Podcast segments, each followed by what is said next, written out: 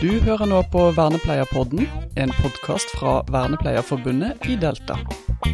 Her sitter jeg i Oslo og har besøk av Arvid Kildahl. Hjertelig velkommen til Vernepleierpodden. Tusen takk for det. Vi begynner med hvem er Arvid Kildahl? Ja, jeg er eh, psykolog eh, og forsker. Ja. Eh, og har jobba med utviklingshemming og psykisk helse den meste av den tida jeg har vært psykolog. Eh, på forskjellige steder. Jobber eh, nå på noe som heter regional seksjon psykiatri, utviklingshemming, autisme. Ja, vi er jo aktuelle da, for vernepleierne. Ja. Ja, det, ja, vi, vi kaller det for PUA av forsvar, forståelige grunner, for det er litt langt å si det hver gang. Ja. Men ja, og det, det, det har jeg gjort. Eh, Og så jobber jeg da som forsker og har forska en del på dette med traumer og posttraumatisk stresslidelse hos folk som har autisme og utviklingshemming. ja, og det er vel der som vi, jeg i hvert fall, du dukka opp i, heter det feeden min eller et sånt sånt, jeg vet ikke, i hvert fall så dukka du opp på sosiale medier, eh, og da snakka vi nå i forkant om at det var antageligvis i september 2020, Ja. og så dukka du opp en gang til, og så tenkte jeg, oi, jeg har jo egentlig sendt en mail eller melding til Arvid Kildahl, for da hadde du nok en liten film, som jeg tror veldig mange av oss har sett, fordi den traff nok oss som vernepleiere i stort monn, der du forteller om at du har en bror, ja. som er en fin innledning, synes jeg, og så forteller du om, om at dette gruppa personer med utviklingshemming er i større grad utsatt for overgrep, Ja. og hva det kan gjøre med den enkelte. Mm. Og på en måte hadde en sånn, For meg så var det sånn, den traff meg veldig i både faget og hjertet, går det an å si det? Ja, Ja. men så bra. Det var jo litt av poenget. Ja. eh, For, for eh, da, da var jeg med i en sånn forskningsformidlingskonkurranse i forbindelse med at jeg tok doktorgrad på, på dette temaet.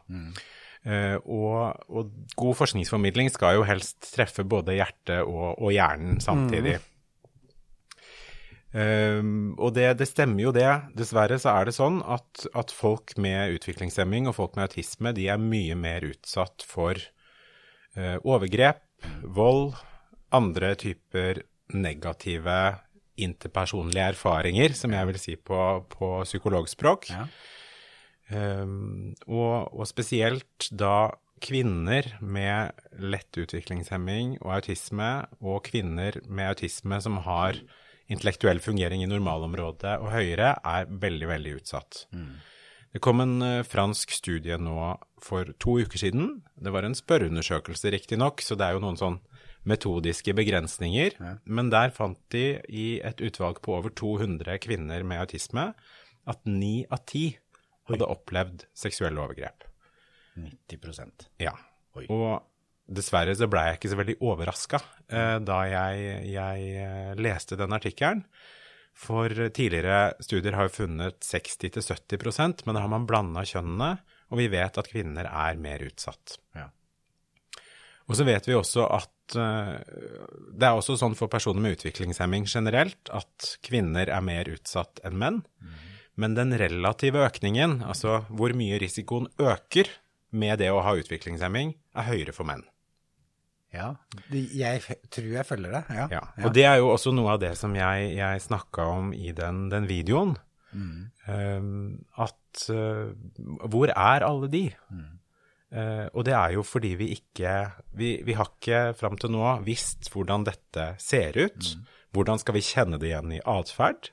Hvordan skal vi, vi avdekke det hvis vi ikke veit om det? Uh, men også hvis vi veit at noen har opplevd det, hvordan skal vi vurdere om de har tatt skade av deg? Ja. ja. Og det er jo noe som, og det var bakgrunnen for dette prosjektet, for dette har vi strevd mye med.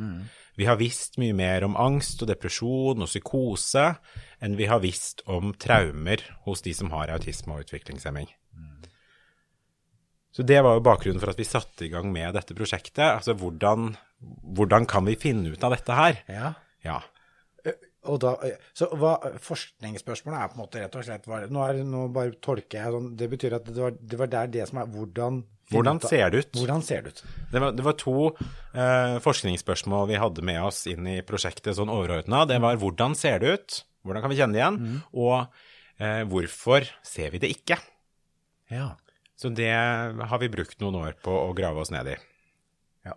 Og nå, nå ble jeg sånn ja, hvor, Og hvorfor ser vi det ikke? Er det fordi at vi ikke ser etter det, eller er vi også der at vi lukker litt øynene for det? Nå kan jeg, eller ja, jeg, jeg, jeg, kjenner at jeg blir eh, både nysgjerrig og spent og litt sånn uff, ja. Det er flere ting. Eh, og det, selvfølgelig er det sammensatt. Eh, det ene er at, eh, at de symptomene som er lettest å se, i hvert fall hos de som ikke kan fortelle om det sjøl, hva de har opplevd, de er uspesifikke.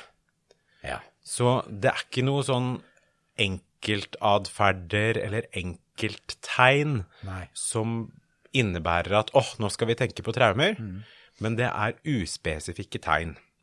Ja. Um, og jeg kan si litt mer om hva de er for Ja. noe med det samme, kanskje. Ja, fint. Men, men en traumelidelse er jo uh, en slags skade i trygghetssystemet, Ja. pleier jeg å si. ja det, var, det var en god Den var fatt, fattbar. Ja. Ja. Man har opplevd noe. Eh, så på vernepleiersk så vil man jo si at det er en, en veldig potent lærings, eh, læringsmekanisme. Ja. Men man har opplevd noe som fører til en varig endring i det biologiske systemet i kroppen som regulerer om man føler seg trygg eller i fare. Ja. ja. Og det er jo helt normalt å reagere når vi opplever noe jævlig. Eh, da reagerer vi alle sammen. Vi blir stressa, sentralnervesystemet vårt fyrer i gang. Eh, vi får høyere puls, vi, får, vi begynner å svette, vi går mer blod til de store muskelgruppene osv. Eh, og det er helt normalt å reagere sånn i en faresituasjon. Og når vi kaller det for et traume, da har, den responsen ikke gått over, og det er fortsatt sånn i mer enn fire uker etterpå. Da kaller vi det traume. Ja. Så, det, Ja. så man snakker ikke om et traume når det er en akutt reaksjon, men når det kommer senere. Ja. Og det vi ser hos denne gruppa, det er jo den derre vedvarende alarmaktiveringa. Ja. At personer med autisme og utviklingshemming er urolige, de er irritable, de er skvettende, de virker som de er på vakt. Uh, og så ser vi masse såkalt utfordrende atferd. Ja. Altså at typisk, ikke sant, hvis du eller jeg blir irritable, Ja. så får vi også kort lunte. Ja. Og hvis man ikke kan fortelle hva det er, og omgivelsene ikke skjønner det, så kanskje man slår i stedet. Ja. Ja. Så aggresjon, selvskading, Ja.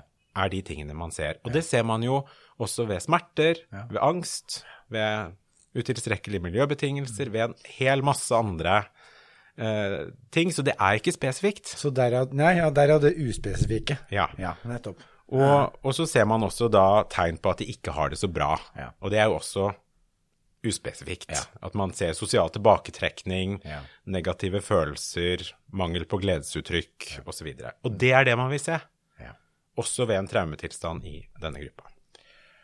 Og så var du også inne på dette med, med å øh, Om vi lukker øya for det. Ja. Og jeg tror også det er noe Det er jo så jævlig å tenke på. Så vi orker kanskje ikke helt å forholde oss til det. Og i politiet, de som jobber med, med overgrep, de sier at du ser det ikke før du tror det. Nei. Og det er litt sånn med denne gruppa også. Ja. Um, og så er det en siste ting, og jeg, jeg tror vi som helsepersonell har en tendens til, fordi diagnosekriteriene er sånn som de er, så har vi en tendens til å begynne å oppføre oss litt som politi når det blir spørsmål om traumer, i stedet for å bare tenke at nå skal vi gi mest mulig og best mulig hjelp, så begynner vi å lure på ja, men har det egentlig skjedd? Ja. Ja, hva er det egentlig som har skjedd? Uh, og så blir vi opptatt av det i stedet for å hjelpe de folka vi skal hjelpe. Ja. Og det er jo ikke jobben vår. Nei. Nei, ikke sant. Og heller ikke, for en videreføring av det, tenker jeg, det er heller ikke For det er politiets oppdrag også å finne ut hvem og hvordan straffa For vi, vi får jo kanskje plutselig så masse vonde og vanskelige tanker som vi blander i hop her, vil jeg tenke. Eh, Ja, for det er jo ikke noe Altså, det er jo jeg, absolutt full forståelse for at det er dritvanskelig hvis man er leder i en, i en bolig, og så er det mistanke om at kanskje en av de ansatte har gjort noe, eller at en av brukerne har gjort noe mot en annen bruker. Eh, så blir det veldig lett å, å tenke på ok, hva, hva, hva er min rolle som arbeidsgiver, hva er min rolle som, som systemansvarlig i kommunen. Hva, ja, og jeg tror det er veldig viktig å ikke bland, sause disse tingene sammen, da. Når hjelper vi den som har det vondt? Ja. Når tar vi det administrative og det juridiske? Ja. Ja, og da har du på en måte allerede begynt på litt sånn hvor, For jeg, det var liksom opp, det var liksom spørsmålet mitt nå, hvordan skal vi gå inn i det? Og det er jo det én viktig bit er nettopp å tenke rollen min som helsepersonell. Og så kan det være noe andre, eller samtidig men, eh, med ledelse osv. Men det der å rolleforståelse er, hører jeg jo ett inngang til det. Eh, Men, men hvordan, hvis du skal gi noen sånne råd, sånn derre Det er alltid vanskelig å gi sånn tydelige råd, men har du noen sånne tanker om hvordan vi kan bli bedre på det? For vi bør jo bli bedre på det, eller vi må bli bedre på det når du, når du sier de tallene du sier. Så tenker jeg da, da har vi en vei å gå og, og ganske mye å jobbe med. Ja, og, og hva skal man gjøre? Nei, altså, det viktigste jeg tenker man skal gjøre, er å være veldig obs på atferdsendringer Ja. Eh, i denne gruppa. Ja. Spesielt atferdsendringer hvor det blir mer uro, hvor det nyoppstått utfordrende atferd eller forverring av utfordrende atferd. Og da at en av de tingene man bør sjekke ut, er har det skjedd noe. Ja. Uh, og så er jo ikke det sikkert at det har det, uh, på samme måte som man kanskje går til legen for å sjekke om er, har vedkommende vondt noe sted. Ja. Uh, er det noe vi har begynt å gjøre som påvirker på en kjip måte? Men, men også har det skjedd noe? Kan de ha opplevd noe? Har du noe sånn opplevelse Altså, er det nå blir liksom jaktende på de gode sant? Er det, er det noen som har type gode systemer på der man har det inn i et sånn type struktur? Da? For jeg tenker at det er en bevissthet. Altså, nå, nå, driver jo vi og, nå snakker vi om det, og noen hører på. Det er fint, for det er kanskje flere får en type bevissthetsskala på det. Men er det, er det noen miljøer eller noen steder man ser at man har kommet litt lenger på det? Skjønner du hva jeg, jeg vet ikke hvordan jeg skal formidle det, men skjønner du hva jeg mener? Sånn, Altså, alle kommuner skal jo ha varslingsrutiner Ja. Eh, i forhold til mistanke om overgrep. Og det har jo vært et prosjekt nå i regi av Bufdir, tror jeg, som heter Tryggest. Stemmer. Stemmer. Eh, som handler om nettopp dette med å fange opp og forhindre overgrep mot voksne som, som trenger bistand av en eller annen type. Ja. Mm. ja, så der har vi ett sånn type, i hvert fall eh, ja, Skal vi ikke kalle det trygghet, et hjelpemiddel, men sånn fokus som, som, er, som veldig mange kommuner vet jeg har, har eh, tatt tak i og, og involvert seg i. Mm. Ja. Ja. Så det er, jo, det er jo en del av det. Som medlem i Vernepleierforbundet i Delta får du medlemsrabatt på forsikringer hos Gjensidige. Du får også gode vilkår på boliglån og banktjenester hos Nordea Direkt. Du finner nyttig informasjon på delta.no. Er du ikke medlem i Delta, kan du melde deg inn på nettsiden vår og spare gode penger på forsikringer og boliglån. Nå har vi snakka litt om strukturen og systemet og hva vi kan gjøre og sånn, men, men den som blir utsatt for et overgrep, hva, hva er det Du har sagt noe om, om det, men hva, hva, hva skjer egentlig? Nei, altså, en ting er jo det, det fysiologiske og det biologiske, at man har en alarmreaksjon i kroppen sin som man, man eh, ikke har kontroll på, rett og slett. Um, og så skjer det noe med, med hukommelsen, uh, fordi uh, traumeminner, Ja. de er annerledes enn andre minner. Ja. De blir ofte aktivert på en annen måte. Eh, Sånn at når man skal tenke tilbake hva man gjorde på, på hytta i fjor sommer, Ja. eksempel, så klarer man å hente fram ett og ett sanseinntrykk. ja. Plassere det litt sånn. Tenke først på måkene og så på den lukta som var av grillmaten og én og én ting. Ja. Men traumeminner, da har minner fra alle sansesystemene en tendens til å komme på én gang. Ja. Så de oppleves veldig vanskelig å kontrollere. Og de er ofte veldig emosjonelt intensive. Altså de, de er veldig ubehagelige, for de blekner ikke helt på den samme måten som andre minner gjør. Nei. Så, og dette er jo også det naturlige da, er jo å prøve å unngå. Det er derfor vi kaller det for flashbacks eller, eller gjenopplevelser. Ja. Men den naturlige responsen til alle mennesker da er jo å prøve å unngå dette. ja. Komme seg vekk. Ja, Ja. og prøve å unngå ting som minner om det, fordi det trigger en reaksjon som er helt jævlig. Ja. Ja. Og, og det ser vi jo også i, i denne gruppa med folk med autisme og utviklingshemming. Ja. Men det vi finner i, i prosjektet, er jo at de er kanskje ikke så gode på å unnvike spesifikt. Nei. Eh, For, for vi andre, vi, vi har gode ikke sant? Det å koble et indre ubehag til et ytre stimuli, og så bruke det til å styre atferden din, Ja. det er ganske komplisert. Ja. Så Ja. en del av de med autisme og utviklingshemming som, som har sånne traumeminner, de unnviker mye mer enn Ja. akkurat det som minner om traume. Fordi de, de klarer kanskje ikke helt å sortere hva var det som trigga det minnet hos meg nå, Ja. og så unnviker de mange flere ting. Ja, så det betyr at jeg kan eh, tenke at det er, hvis jeg har opplevd et traume eller noe veldig ubehagelig, så, så vil jeg kan tenke at ja, det skjedde i, i det området på det tidspunktet, altså mørkt, så jeg kan unngå mørke og sånne. Det, er- det, er- Ja. Mens her, Gå rundt den parken Ikke hvor jeg ble rana, eller Ja. man kan gjøre sånne ting. Mens, mens noen med autisme og utviklingshemming kanskje da nekter å gå ut av leiligheten sin i det hele tatt. Ja, ikke sant. I flere år Ja, har vi funnet beskrivelser av i, i materialet. Ja, riktig. For- For det er jo, ikke sant, noe av det som skjer med oss når vi blir utsatt for, for, et, for noe så inngripende, er jo at det endrer litt sånne grunnleggende antakelser vi har om verden. Ja. Hvem er jeg, og hvem er jeg i verden? Og dette er jo ting vi, vi har med oss som for de fleste av oss ikke er artikulert heller. Det er ikke noe vi går og tenker på. Eh, men sånn en idé om at verden er et trygt sted.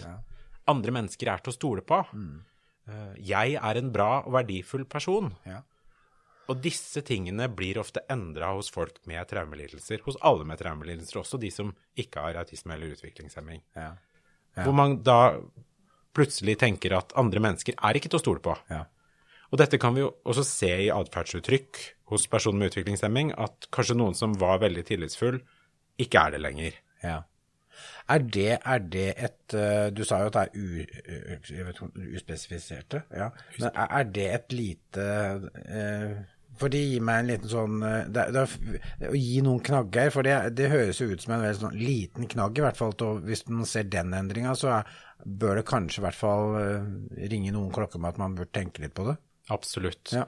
Og det er jo, det er jo den derre men, men det ligner jo veldig på angstlidelser. Og, og noe av det vi, vi også har sett, uh, er jo at hos noen så tilskrives da disse symptomene på eh, Som egentlig er en traumelidelse, til autismevanskene. Ja. Fordi man ser ja, men denne personen har autisme, og det er helt naturlig at folk med autisme er stressa, det er helt vanlig. Eh, så, og så går man ikke videre med det. Nei. Så man legger det på noe annet enn det det faktisk er. Man legger det på diagnosen eller på, Ja. på andre ting. Og dette at vi, vi feilforklarer symptomer på psykisk lidelse med grunnvanskene, Ja. det, det er såpass vanlig at det har vi til og med et begrep for i, i psykisk helse. Ja. Og det heter diagnostisk overskygging. Det, det, vi, det skal vi skrive i introen, for dette er jo sånn diagnostisk overskygging. Ja. Det, er det, er, det- er jo nærmest selvforklarende. Godt begrep. Det er, noe, det, er ikke jeg som har funnet det på. Nei, nei. Dette, var, eh, dette er faktisk heller ikke noe nytt begrep. Nei. Det var eh, Reis og kollegaer som allerede i 1982 Ja. skrev om dette fenomenet. ja. Og, og vi ser det jo fortsatt i alle deler av helsetjenesten, Ja. også i somatikken, at folk med autisme og utviklingshemming får forklart tilleggsvanskene sine med grunnvansken. ja. Og da får de ikke den helsehjelpa de trenger, og som kunne, noen ganger med ganske enkle midler, ha gjort at de fikk det bedre. ja. Dette, dette er viktige temaer å liksom løfte opp, øh, kjenner jeg. Eh, eh. Og Også risiko for diagnostisk overskygging er nok spesielt stor ved traumelidelsene, fordi de tingene man ser i atferd, er så uspesifikke. Ja. Mm. Du, dette var, dette var en, en nyttig, liten foreløpig runde eh, på, på det temaet du har, eh, kan sikkert snakke i fire dager til om. Eh, men hvis du, nå skal vi liksom lande ut, som vi pleier å si her, eh, hvis du skal gi noen sånne det er vanskelig da med tips eller holdninger. Liksom, jeg tror mange av de som hører på, er, jobber i boliger der dette her er aktuelt. Hva, er det noe liksom, man skal si til dem på veien? Jeg, jeg, skjønner at jeg første- utfordrer deg nå. For det første så vil jeg si at eh, dere gjør en dritviktig jobb. Eh, og jeg pleier jo å si det at, eh, at mange av de viktigste folka i mitt liv er jo vernepleiere. Fordi jeg jo også har en bror som, som bor i bolig. Ja. Men det med å huske på at uh, alle de man jobber med, har en historie. Hvem har de vært? Hvor har de bodd? Hvordan har de hatt det? Hva har de opplevd? For alle vi mennesker har jo opplevelser som har gjort noe med oss. Det kan man jo tenke på sjøl. Har du noen opplevelser i ditt liv som du tenker at har forma deg? Ja. Og, og det, det har jo alle mennesker. Ja. Eh, og det har alle de vi jobber med også. Og det kan være, det trenger ikke å være traumehendelser eller overgrep, men det kan være andre negative ting som gjør noe med både hvordan de opplever seg sjøl, hvordan de oppfører seg, og hvordan de opplever det du som hjelper gjør. Eh, og huske på at en del ting eh, kan det ligge gode forklaringer til, og det kan være veldig gode grunner til at folk gjør som de gjør. Ja. Du, dette var en bra, hyggelig prat, eh, Arvid. Eh, vi lander ut der, og så tusen takk for at du eh, tok turen til oss. Hjertelig. Jo, takk for meg. Du har nå hørt på Vernepleierpodden, en podkast fra Vernepleierforbundet i Delta.